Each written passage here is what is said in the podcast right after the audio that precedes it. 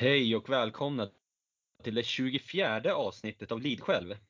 Eh, Mitt namn är som vanligt Linus Kardén och med mig har jag Daniel från bloggen Brons och blod. Kvällens avsnitt kommer att handla om Saxo Grammaticus. Och, eh, sommaruppehållet är slut. Det blev lite långt men eh, jag vill hälsa Daniel tillbaks till podden nu i alla fall. Tack så mycket Linus. Ja, det har varit en lång och skön sommar. Det var ja, härligt. Jag vill även hälsa lyssnarna tillbaks då, om det är några som kommer ihåg oss fortfarande. Ja, precis. ja, ja, Nej, så här var det ju. Sista avsnittet det spelades in i maj. Ja, just det. Mm. Vad var det, det, om? det var om Balder och Loke. Ja, just det. Precis. Just det, Loke också. Precis. Ja, ja, precis. Eh, tanken var ju att vi skulle ha ett sommaruppehåll, men eh, ja, det blev lite längre. Ja, så är det. Det, är liksom, det här är ju inte på något vis vårt jobb så vi Nej. har ju lite, lite att göra för att liksom hålla oss ja, i, i podcastingbranschen. Precis och jag menar eh, vi har ju fullt upp. Jag har två småbarn och husägare och sådär och du har väl ditt? Precis. Husägare Precis. är man ju. Så, ja, det, det är ju det, man blir aldrig färdig med ett hus. Är man liksom klar i ena änden då får man börja i första änden igen. Ja, precis. Och jag är lite så här att är det ett projekt som måste göras, då ligger jag nästan vaken och tänker på det projektet tills det är färdigt. Så jag är ja. väldigt så här, all in för varje projekt. Och det har varit ganska mycket nu i, på hösten och så. Ja, precis. Så, ja. Mm. Men ja, under tiden i alla fall så släppte vi det här Halloween-avsnittet så det blev tillgängligt för alla. Just det. Precis. Och det var ju ett år eh, efter det hade spelats in. Just det, det var ju som då en del utav det här Gestadanorum på Substack. Mm. För de som var betalande medlemmar så kunde de lyssna på det redan då. då.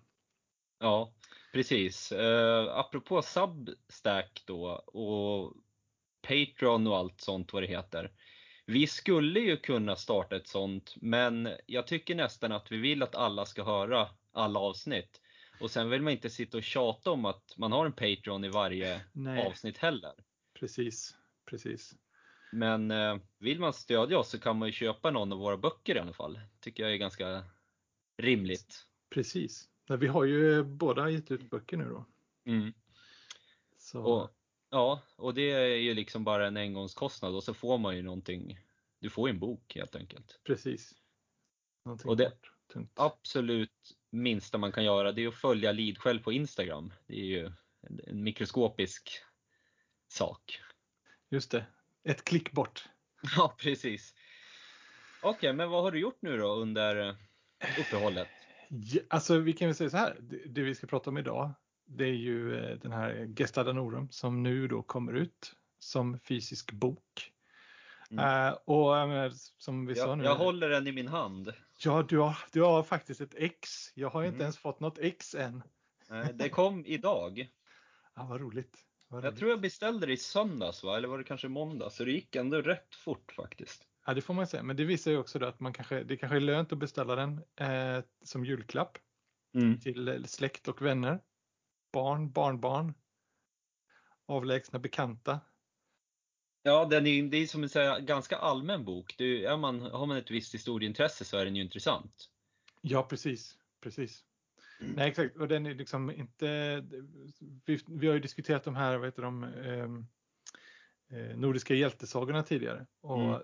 de, den var ju liksom skriven på en gammaldags svenska, den här är ändå skriven på en modern svenska men ändå lite, ska man kalla det för, man vill ju ändå ha en viss stil på det så det är liksom inte, de säger inte tjabba till varandra liksom. Ja, precis, jag förstår exakt vad du menar. Man vill ju ha den där känslan så man får inte blanda in ord som t-shirt och eh, liksom eh, Precis. Ja, vad det nu kan vara. Ja, eh, exakt. brallor liksom. Nej, precis. precis. Då säger man bro men, men, broka istället. Ja, men det är ganska svårt för att jag, ska man vara tvättäkta, jag har faktiskt en bok som heter eh, något i stil med svenska lånord eller något sånt där. Ja. Och det är väldigt många ord som är lånade. Som man, ja. Alltså typ så ord som eh, maj, magnifik till exempel. Ja, just det. Det, är, det har nog varit i svenska ganska länge men det är ju från början inte ett svenskt ord, det är ett franskt ord. Ja, ja precis. Så. Det finns väl, det finns väl om, man, om man är road av sånt här så finns det ju någon, någon engelska jag tror de kallar för Anglish, där de då har tagit bort alla franska och latinska låneord. Eh, det blir ganska likt liksom nordiska då Mm. och, och tyska. Liksom. Det är rätt så, rätt så roligt, men det är inte jättelätt att hänga med i vad de säger.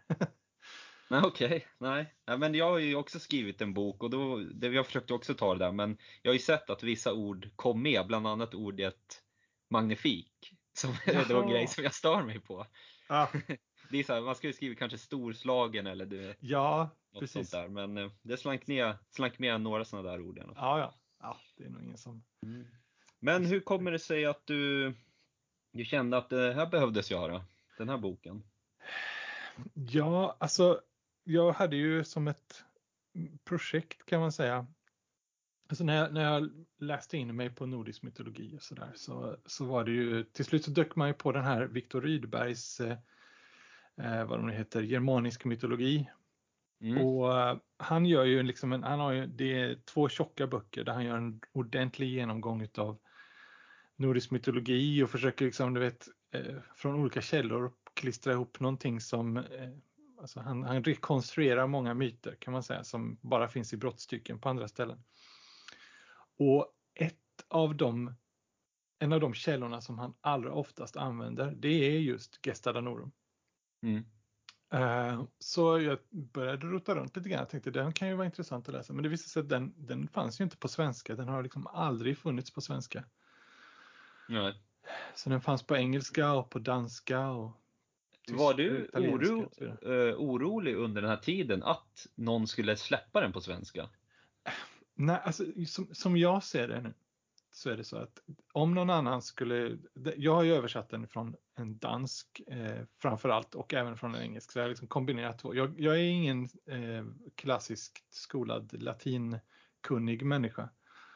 Så men om det sitter någon på ett universitet någonstans och liksom har eh, en översättning som är mera, du vet, auktoritativ så, så, så tycker jag bara det vore jättekul att jag i så fall har stimulerat dem att komma loss. Men eh, jag har fokuserat mest på berättelsen och på, på att få en, en eh, flytande berättelse. Så att, eh, eh, Ja, men, alltså, men, jag, var, jag var aldrig orolig för det kan nej, säga. Men jag tänker själva kulturgärningen är ju mer värd om man är den första. Jo, men det är klart. det är Ja, klart att så det är roligt att vara, att vara först. Så. Men eh, som sagt, ja, det, det, och det är klart, hade det kommit ut någon annan så kanske jag hade läst den istället. Mm, mm. Men, Men du har ju hållit på med det här väldigt länge.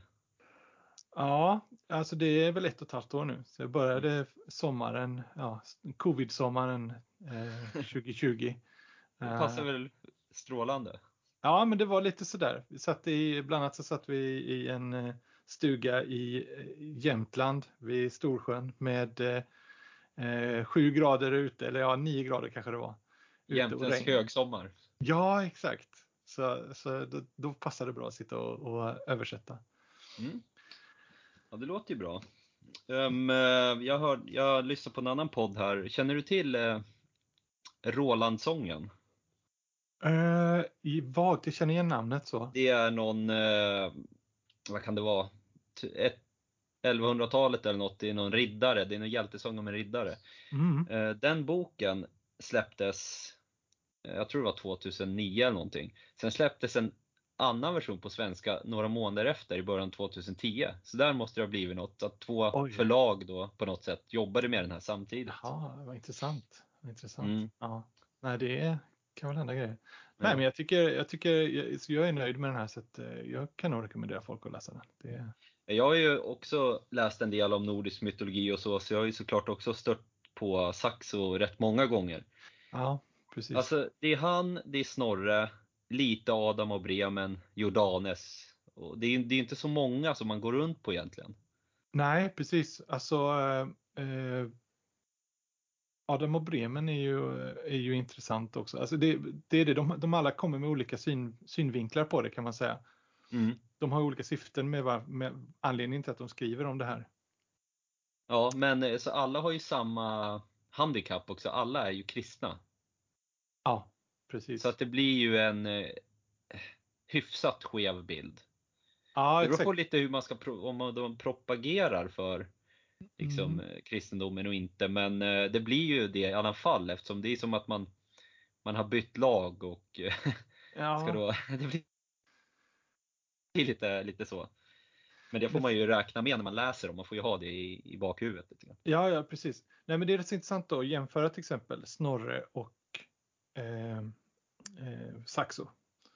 Eh, för faktum är att de är i stort sett eh, vad ska man säga, jämngamla. Jag tror att eh, Saxo är väl typ 20 år äldre än Snorre. Och sånt. Mm, det tror jag. Eh. Saxo är född 1150.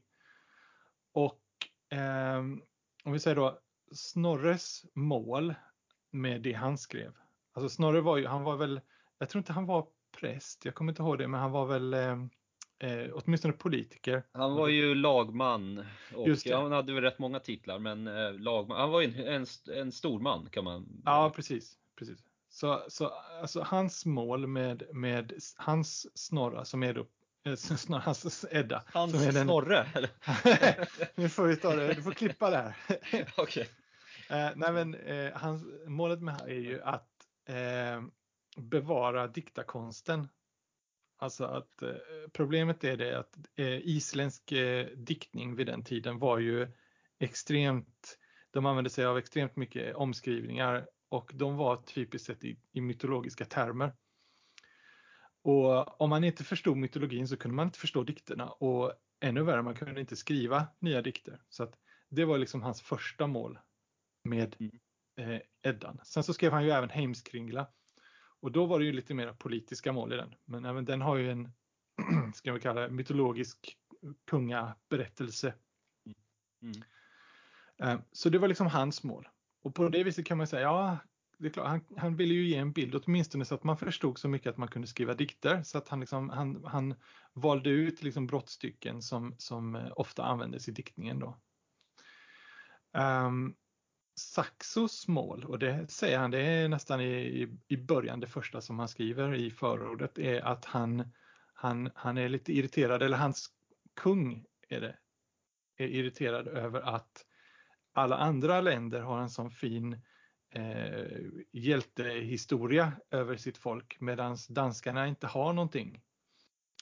Så det är därför som han då eh, har fått uppdrag att skriva en historia över det danska folket från den äldsta tiden fram till, till nutid, det vill säga 1100-talet då.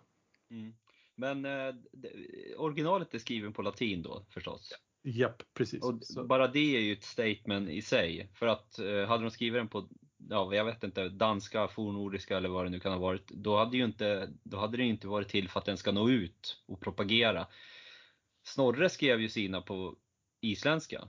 ja, precis. Ja, men det är en intressant skillnad. Ja. Mm. Och då, det, är ju en, ja, det blir ju helt annan målgrupp förstås. Ja, precis. Nej, det är klart att på den tiden så var det väl, alltså eh, Saxo, eh, om vi ska säga lite grann om honom som person, så var ju han, han var ju eh, klärk eller sekreterare åt en biskop som hette Absalon i Lund, som var eh, du, ärkebiskopssätet i Norden. Eh, och han, Och hade- han även eh, danskt såklart. Precis. Mm. Eh, Så det var liksom, eh, Skåne var den, ska man kalla det, det var väl, ska vi kalla för Danmarks Finland. Det var liksom den östra, östra rikshalvan. Ja. Mm. Ehm, så han, han, var, han kom ifrån en släkt som var krigare. För han skriver det att hans far och farfar hade då tjänat den här kungen som, som han till slut dedikerar verket till.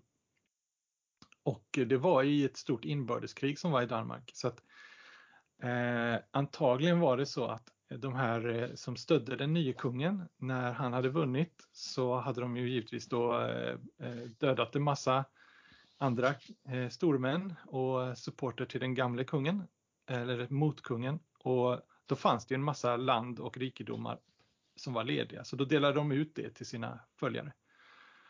Så eh, Saxo var då son till en sån här släkt och eh, de hade då pengar som de kunde skicka honom eh, ner till kontinenten och studera.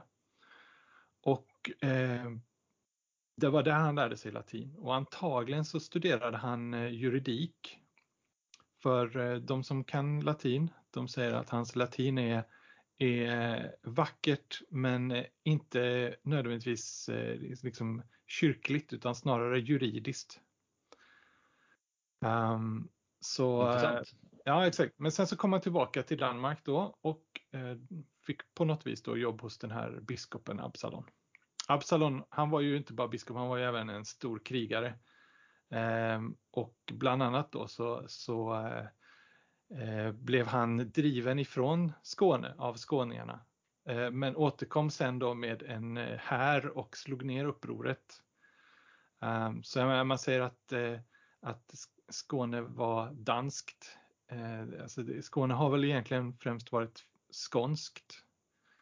Men då varit under dansk överhöghet. Så även på den tiden så var det ju varje, varje del av Danmark hade ju en väldigt stark egen identitet. Mm.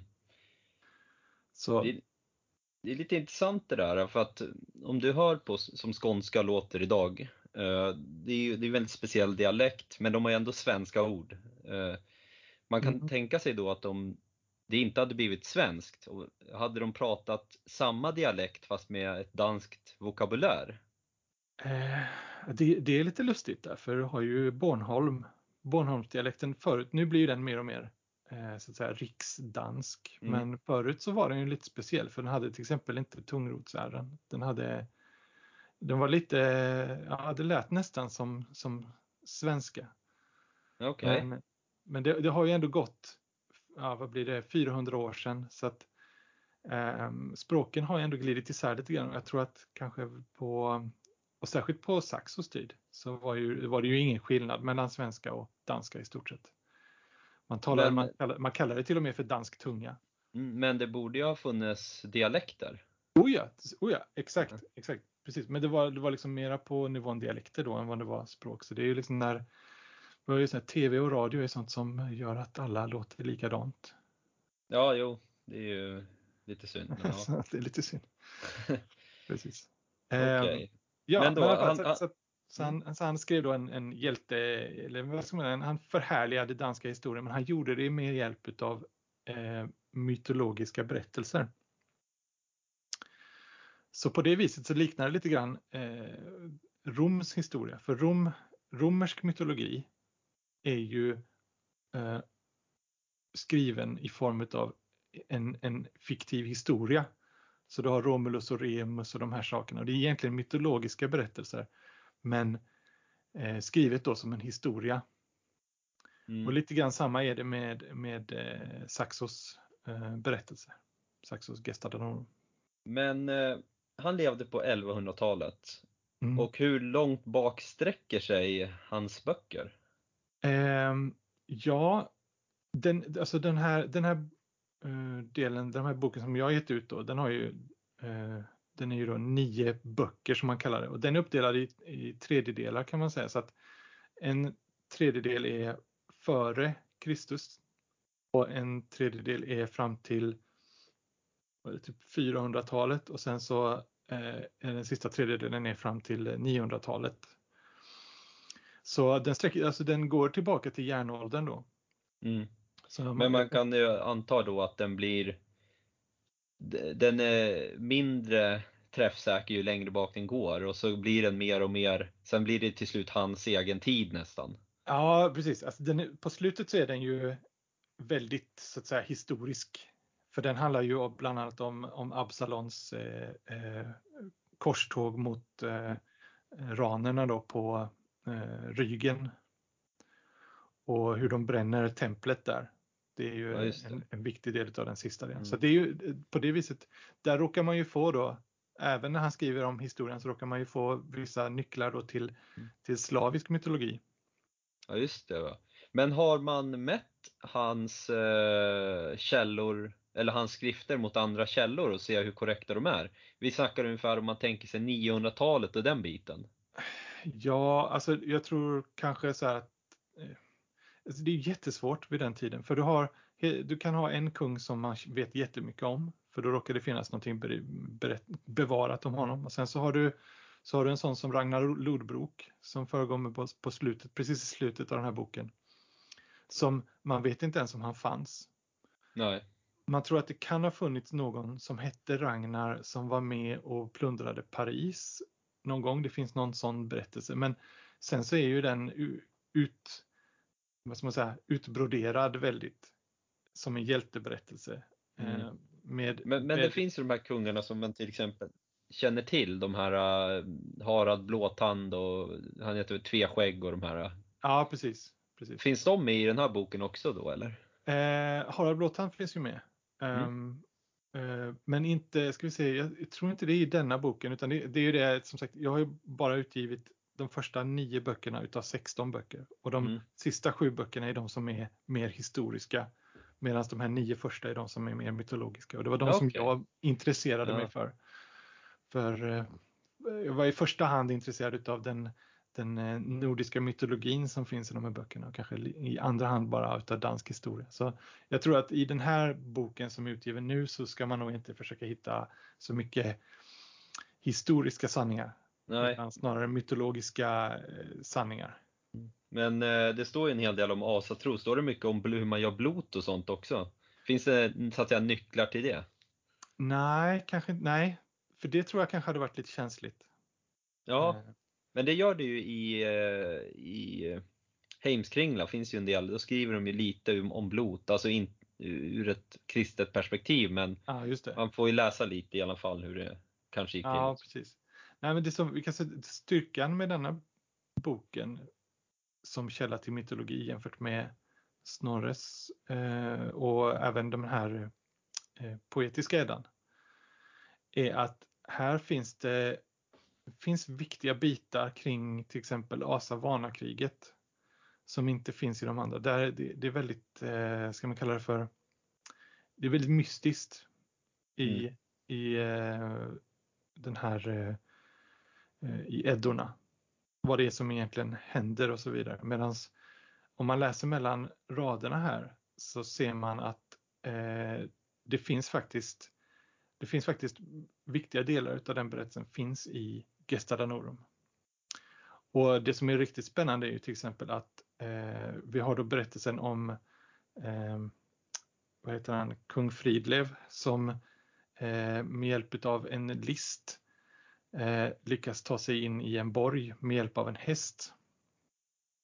Mm. Och eh, om man bara en trähäst då eller? Nej, det är faktiskt inte en trähäst, men det är en, det är en en, en, en, en verklig häst i hans fall. Men han använder sig av en list. Han, alltså, han, han tar sin häst till, till floden, den som vilda floden som går nedanför den här borgen. Och um, så har han med sig en tjänare som han slår ihjäl och så stänker han den här tjänarens blod då på hästen och så slänger han tjänaren i, i vattnet efter att han har bytt kläder med honom och så klättrar han upp över, över muren och kan då inta den Medan eh, de här som sitter inne då är ute och tittar på det här liket som har flyttit upp på, på hästen som har eh, blod på sig. Mm. Och det mm. liknar ju, detta, just i det här då liknar ju en del av ehm, eh, Iliaden. Mm. Ja, När, alltså där med trähästen. Som sagt. Det, det, men, men, det finns väl andra grejer som Asavana-kriget har väl det, vissa likheter med Troja, det ja. trojanska kriget där. Exakt, så det, det, det här är en urgammal berättelse som mm. finns i olika varianter då, även i keltisk mytologi. Vad är din tes kring det? Är det att de olika, det finns en äldre urhistoria som har spridit sig eller är det att de olika hoven runt om i Europa har läst Iliaden? Vad är troligast? Ja, det, det där är spännande. Eh, för alltså, grej, grejen är det, den, den, är, den, är, den har vissa likheter men den är också så olik Eh, det är väl i Heimskringla som, eh, som Snorre skriver om eh, eh Nej, vänta. Ja, alltså att, att eh, asarna kommer från, från Asien. Eh, jag kommer faktiskt inte riktigt ihåg, men jag har hört den teorin eh, ja, precis. slängas omkring. Alltså, så att, alltså, de har, det har väl funnits, till viss del har det väl funnits berättelser som har, som har glidit över Europa på det viset. Och det är klart. Men alltså, för det man vet är ju att, att eh, Saxo har nog läst lite saker på latin. Men eh, jag för mig, nu kanske någon kommer att korrigera här, men jag för mig att de översättningarna utav eh, Iliaden som fanns eh, på latin, de kom, de, de var inte särskilt spridda för att folk läste den på grekiska som var ursprungsspråket. Okej. Ehm, Ja. och jag Men- tror inte att Saxo läste grekiska nämligen i och med att han var jurist och inte eh, vad heter det, teolog. Men- Men Så, Saxo nu då, är... ja fortsätt. Nej, det var det jag ville komma till. Okej, men jag tänker så här. Eh, Saxo nu då. Han har ju skrivit om historien som är så gammal så det är omöjligt att han kan ha någon koll på den egentligen. Och detsamma gäller ju Snorre i hans Heimskringla. Det, den första delen där är ju ja, jätte, jättegammalt. Ja, precis. Har, har de medvetet hittat på grejer eller tror du att de har haft någon slags berättelser och kanske några skrifter som de har gått utefter? Alltså, ehm, jag tror ju att de har haft berättelser som de har utgått ifrån. Mm. För eh, Saxo skriver ju, han skriver ju att han ehm, har använt ord, han skriver om sina källor. Så eh, jag tror den viktigaste som han, som han nämner då det är, eh, han skriver någonting om att eh, eh, han klagar lite över att, att eh, hans förfäder då, eh, inte hade riktigt skrivspråk utan att de ristade sina berättelser på sten. Eh, men att det även fanns då eh, andra berättelser som han kunde följa. Men han skrev det att tänk om, tänk om våra förfäder ändå hade haft skriftspråket då. Ja. Tänk vilka berättelser de hade skrivit då. Jo, Ehm, så det, det är lite så här, eh, eh, säga, namnen och sånt har han säkert plockat från, från kungar som har funnits. Så det Mm. har nog funnits en kung Frode, det har funnits en kung Fridlev och så vidare. Men kan man tänka sig att eh, Snorre Sturlason och Saxo har haft kännedom om varandra? Ja, det är intressant för att Saxo nämner ju, han, alltså en av de källorna som han nämner är islänningarna, säger han. Mm. Men islänningasagorna är ju till stor del äldre än Snorre. Ja, precis. Så jag tror, att, jag tror snarare det är så att de har nog använt samma material till viss del. Okej. Mm. för sina berättelser. Ehm, så att, eh, nej, alltså, jag vet inte. Jag, jag har inte hittat någonting om att de skulle ha träffats eller så. Jag menar, eh, Saxo på den tiden, han, han, jag vet inte, man kan tänka sig, jag tänker mig lite grann att han är en, en eh, eh, ja, lite nördig snubbe. Lång var han tydligen, för de kallar honom även eh, Saxo den långe. Som, Okej. som jobbar i, i kyrkan i, eller i något hus i närheten av kyrkan i, i Lund med att skriva denna berättelsen. Och, och eh, jag tänker mig att om Snorre hade kommit dit så hade han kanske inte sökt upp honom. Han kanske hade suttit och, och eh, festat med Absalon istället och Ja. delat krigshistorier liksom. Ja. Vet man något mer om Saxo? Fick han några barn och eh, vad tänkte jag med, hur, hur dog han sen och sådär? Vad vet Ja, man det? Nej, det är det som är det lustiga med honom. Man, man vet. Det enda man, alltså det finns, han finns nämnd, antagligen så är det han som är nämnd i lite sådana här olika småkärror. Det, till exempel så var det någonting om att, jag tror det var när Absalon dog, så eh, efterskänktes en skuld på eh, några mynt silver som han hade till Absalon och sen så eh, stod det även en uppmaning att han skulle lämna tillbaks några böcker som han hade lånat från, eh, från någon kyrka i, någonstans i Danmark. Okej. Eh, så så det, det är väl i stort sett det man vet om honom. Eh, Men han kanske vet, inte man var vet en inte ens vad hans familjenamn var. Så Nej, men han liksom kanske, kanske inte gjorde egentligen så stora intryck under sin egen tid. Han kanske Nej. var en liten bifigur egentligen. Exakt, och han skrev inte någonting annat än detta. Alltså Snorre vet vi, han var ju politiker och han, eh, hade, han dog eh, dramatiskt. Va? Han blev väl mördad i Norge, tror jag. Ja, Han blev mördad av eh, sin, eh, om det var någon eh, systerson eller något i den Oj. stilen. tror jag? Eller en Oj. kusin, jag tror det var något i den stilen. Ja, I du någon ser. konflikt. Precis. Mm. Nej, men eh, det, vet du, det jag tror är, Saxo han var nog en som du vet, jobbade i, i tysthet, stillhet så. Men han visste nog ändå, jag tror att han visste att det var en viktig kulturgärning han gjorde.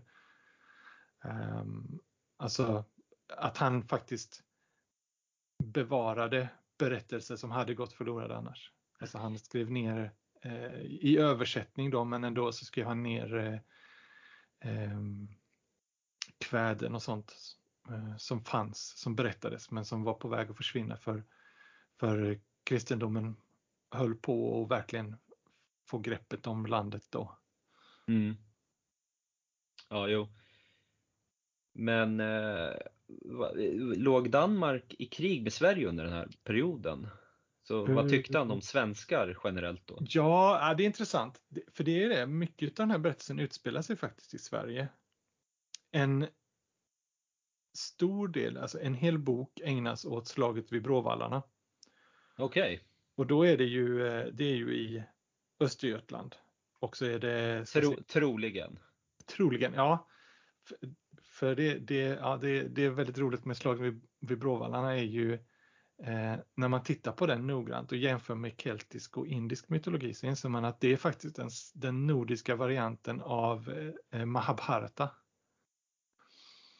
Som ju alltså är ett berättelse om, en, om ett jätteslag som även då avspeglar sig i eh, Iliaden. Mm.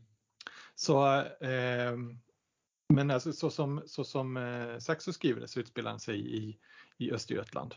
Eh, skriver han det uttryckligen? Ja, han skriver någonting om att det är vid eh, eh, Skri Närheten av Kolmården skrev han det?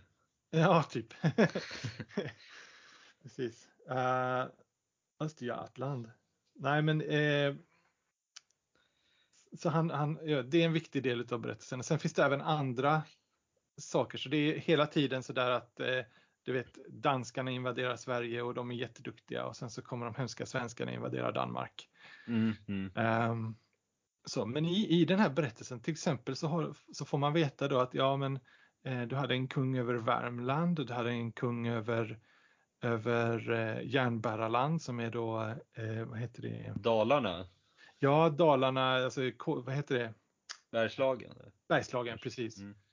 Du hade en kung över, eh, över Jämtland, finns på något ställe.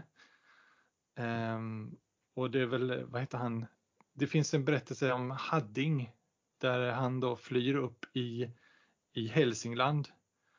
Och det var någon som kommenterade det på, på Substack när jag skrev det att eh, eh, det finns vissa, vissa ortsnamn i Hälsingland som, som syftar till Hadding. Okej. Okay. Så det, det, är mycket spännande för ortsnamn är ju jättegamla. Ja, ja jo. Vet du den mytologiska berättelsen om hur Jämtland och Härjedalen befolkades? Ja, jajamän. Den kanske ja. vi varit inne på tidigare. Men... Nej, men jag hittade ju, jag köpte ju en sån jätterolig bok om eh, jämtländska alltså, eh, folkberättelser och myter. Ehm, jag ska, du ska få läsa den någon dag. Ja, men det är ju Kettil Jämte som kom till Jämtland och Herjulf Hornbrytare kom till Härjedalen. Ja, just det. Och han, eh, Kettil, han, han tittade på landet efter att han hade kommit över berget och sa att det här var ett jämnt land. Okej.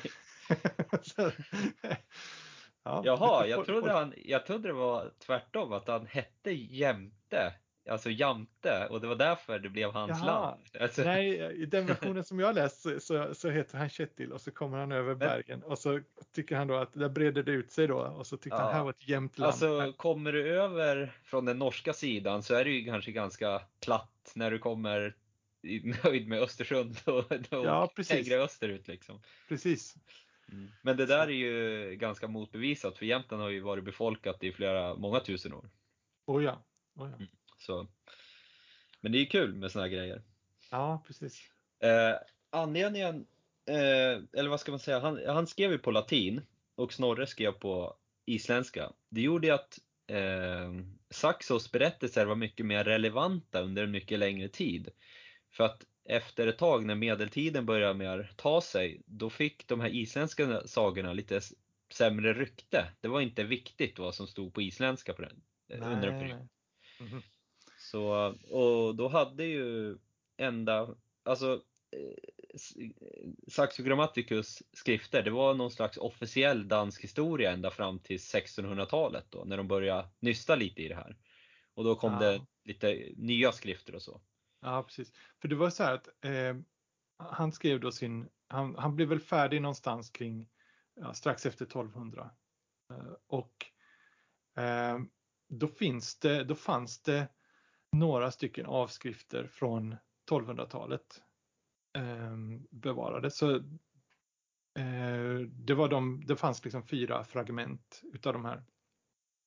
Men på 1500-talet då, som, som du säger, så var det ju någon eh, dansk som eh, ville ge ut den här.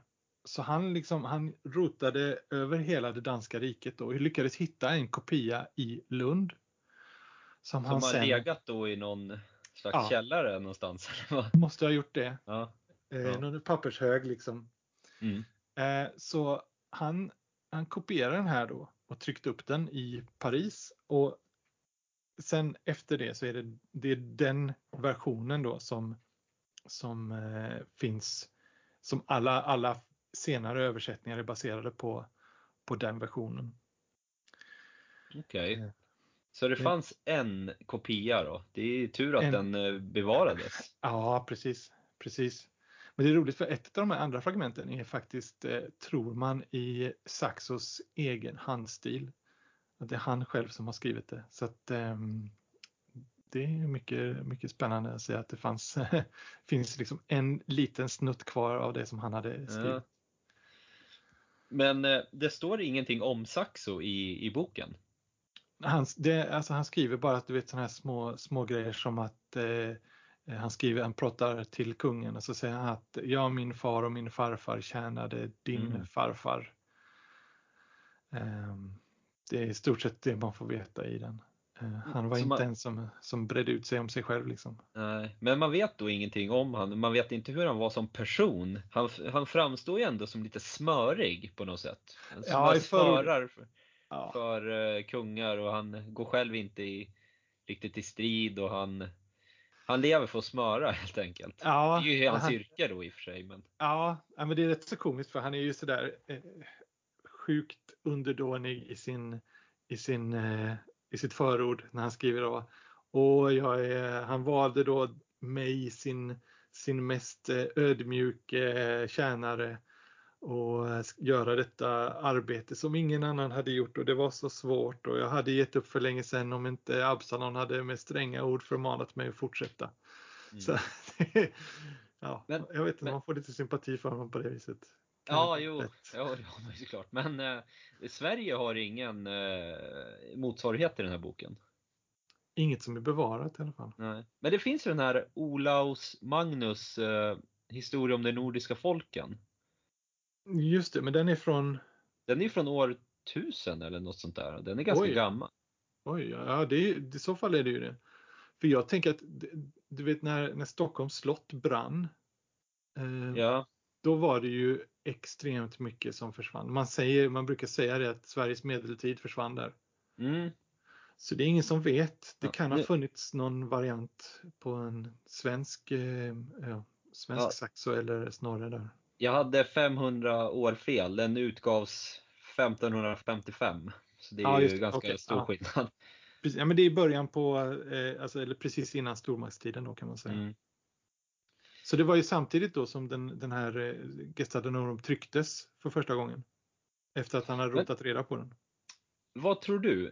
Eh, det, det, är ju ganska, man vet ju att hoven runt om i, i Europa kände ju till romarriket och de kände ju till eh, kanske den forna grekiska berättelsen lite grann. Mm. Men eh, gemene man i Norden, visste de någon, någonting om romarriket? Tror du? Ja, alltså jag tror Rom var ju ett begrepp. Alltså romarriket fanns ju även på Saxos tid.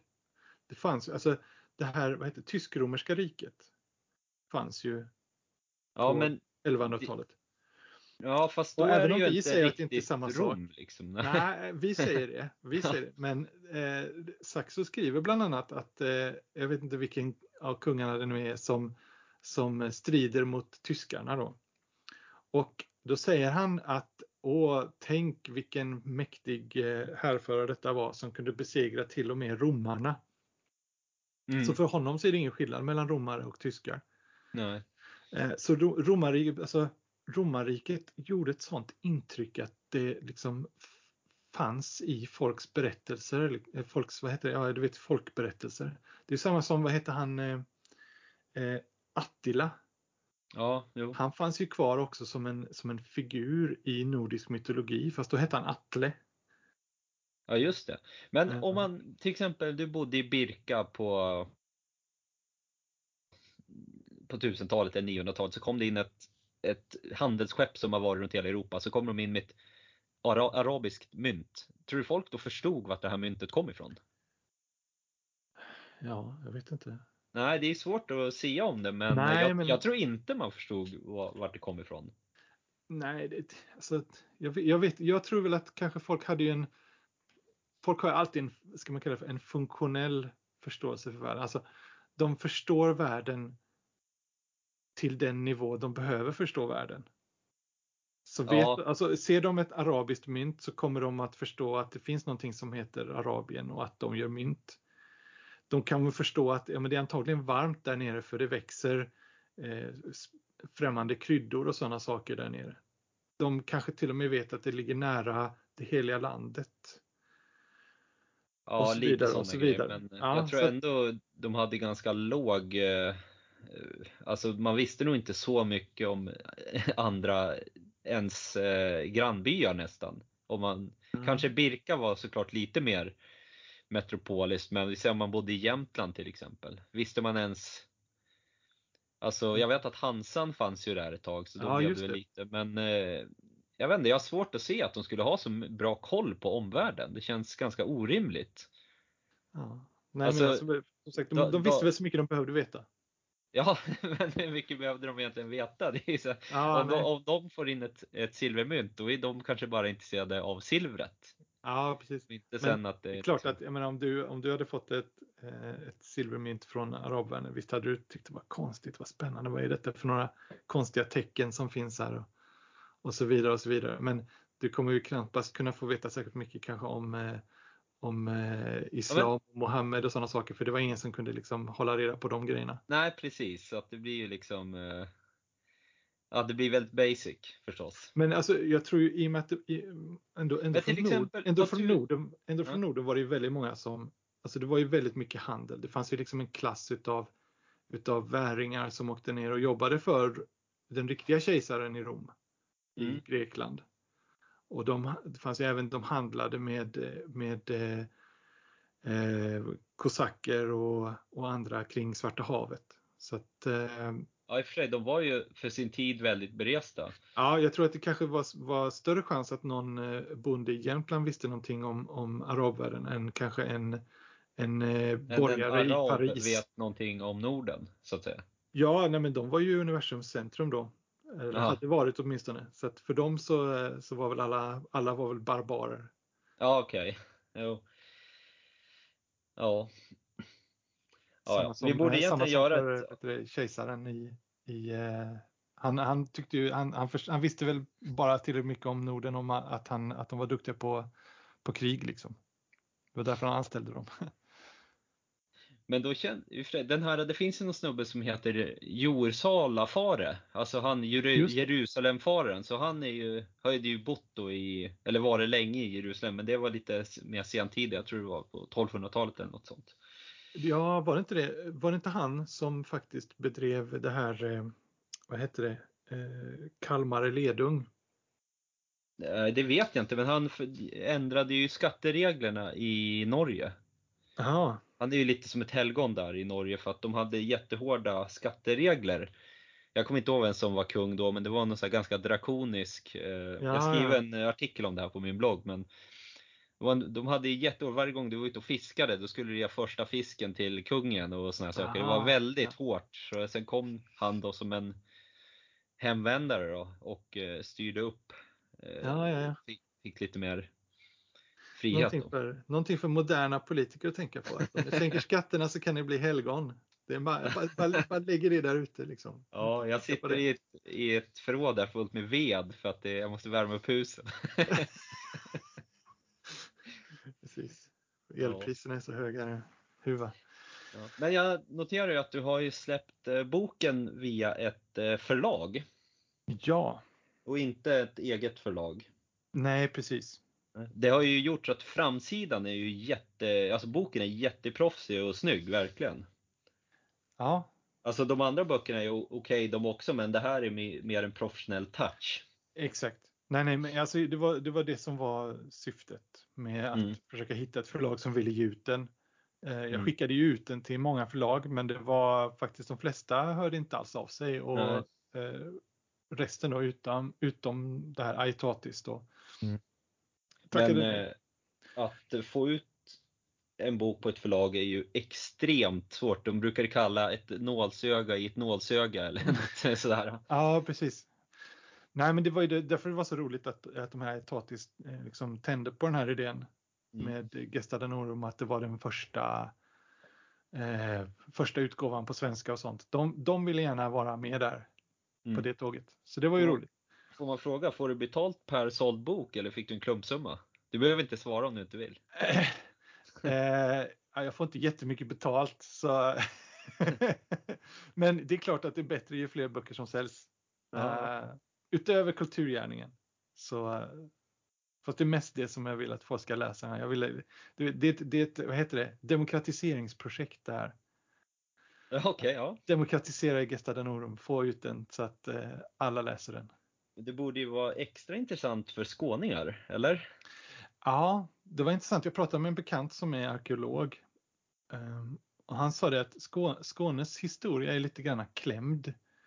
För eh, danskarna så tycker de att det är lite jobbigt med Skåne sen, sen det blev svenskt. Mm. Um, så de, de tittar helst inte på Skånes historia. Uh, och svenskarna är inte intresserade av Skånes historia före 1600-talet. Alltså både Sverige och Danmark har inte varit så här jätteschyssta mot skåningarna när det har så att säga varit i annan ägo. Nej, precis. Det har ju varit, eh, det är ju det, är det som är tryggt med att bo i ett gränsland, att man mm. är allas tryggpojke. Nej, så att grejen var det, Skånes historia, eh, särskilt medeltidshistoria, är lite eftersatt liksom. Men de har ingen egen eh, skribent i Skåne? Det, det har antagligen varit en svensk eller en dansk hela tiden som har skrivit deras historia. Ja. Nej, precis. Skåningarna är... Alltså det var ju, Lunds universitet grundades ju för att försvenska eh, Skåne. Och man började liksom uppifrån i, i hierarkin så man tog alla prästbarn eh, och eh, stormansbarn. Alla de satte man i Lund så de fick lära sig eh, vara svenska patrioter. Mm. Um, men, men nu har ju Skåne varit svenskt så pass länge så att jag, jag ser svårt att Danmark ska ta tillbaka Skåne nu. Nej, precis. Och det är som sagt, det har väl det här med erövra länder, det, det, nu det är för tiden är det, det, är lite, det är lite passé liksom. Det är lite, vad heter det, det är så, det är så jäkla dyrt ju. Så att ja, jo, det är liksom inte det... lönt det.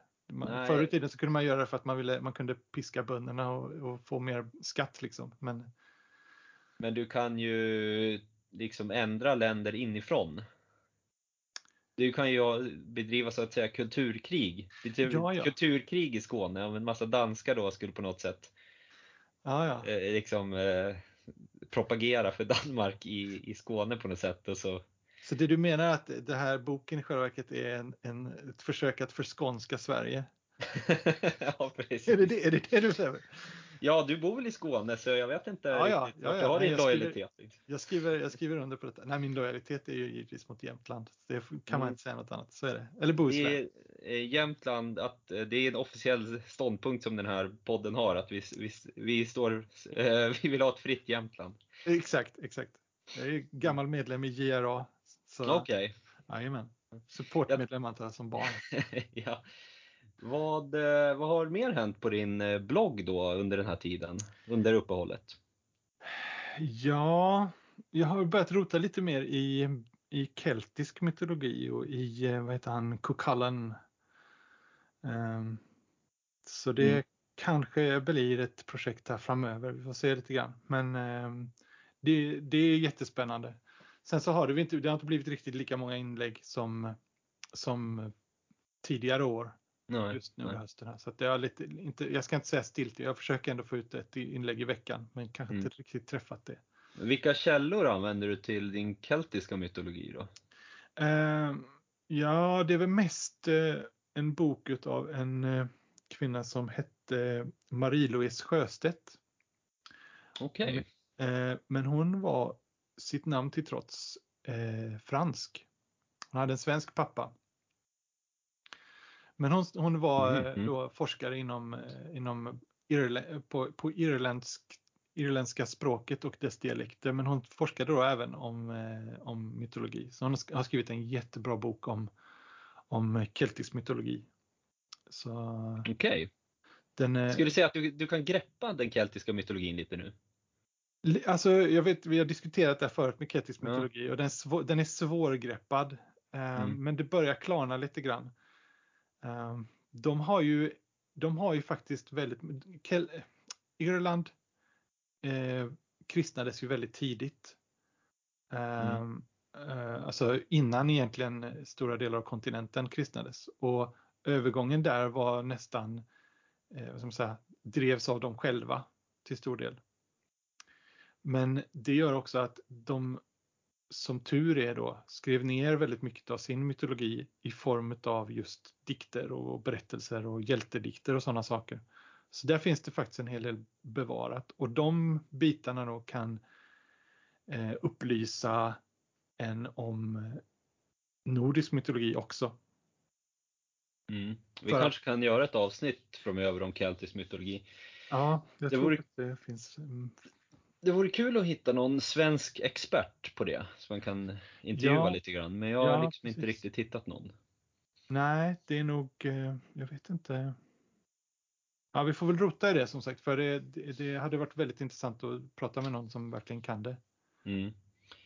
Den här, jag ska ställa en sista fråga om boken bara. Att, eh, till exempel eh, Eddan, den är ju skriven i versform, alltså eh, stanser heter det väl va? Såna. Ja, eh, eh, vet du det, inte, pros, inte den pros, prosaiska Eddan då, utan eh, den poetiska Eddan. Mm.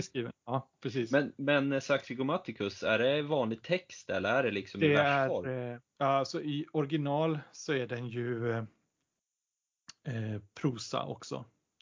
Mm. eh, Så det, men- det, är en, det är en tolkning då? Ja, de här kväderna som finns i den här Mm. boken, de är tolkade utav eh, en dansk som heter Fredrik Winkelhorn. Det var han som, som har ö- så att säga skrivit om dem då från latin till, till dansk vers och sen så översatt det därifrån till svenska. Men allting som är skrivet i vers är ju hyfsat öppet för tolkning, känner jag eh, spontant jämt när jag läser någonting i vers.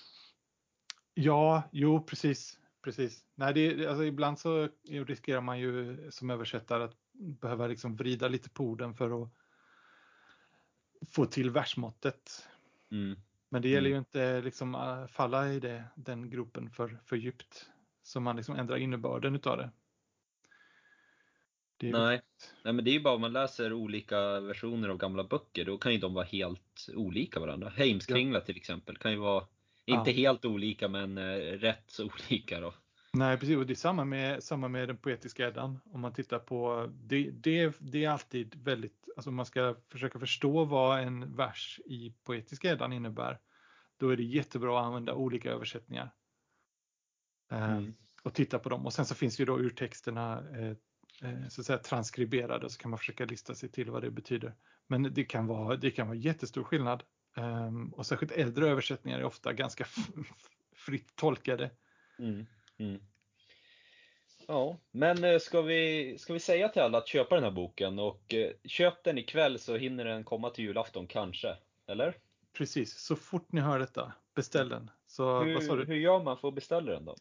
Eh, den finns på Bokus. Eh, men man kan också beställa den från förlagets Mhm. sida. Ehm, För den fanns inte på Bokus när jag beställde den. Nej, okej. Nej, Då- den, jag tror den dök upp igår faktiskt. Ja, okej. Ja. Okej. Så, Mm. Ja, men, förlagets eh, sida.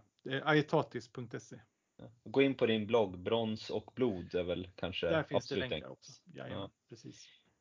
Sista fråga. Vad läser du just nu? Ooh. Vad jag läser just nu? Jag läser eh, en konspirationsteoretiker om ett hemligt finansiellt system. Så det inte, har inte med eh, nordisk mytologi att göra. Men eh, lite ufon och sådana saker. Mycket spännande. Okej. Okay. Bra. Jag läser en bok som heter Så levde barnen förr. Ah. Så det var Ja, ganska intressant också. Ja, just det. Men eh, då ska vi försöka komma ut med ett nytt avsnitt då kanske nästa månad eller någonting i alla fall. Ja, under januari. Vi försöker Eh. få till något. Mm. Vi hade ju det under en period när det kom ett avsnitt i månaden. Men det Ja. blev lite jobbigt med den målsättningen tycker jag. Det, det, det är schysstare om den kommer, det kommer sporadiskt. Precis. Nej, exakt. Vi behöver inte vara så, så piska oss till att göra ett avsnitt. Men om vi kan så ska vi inte, inte göra det. Nej, precis. Ja, men då får jag tacka då så får du ha det så bra. Tack så hemskt mycket Linus. Tack så, hej! Hej hej!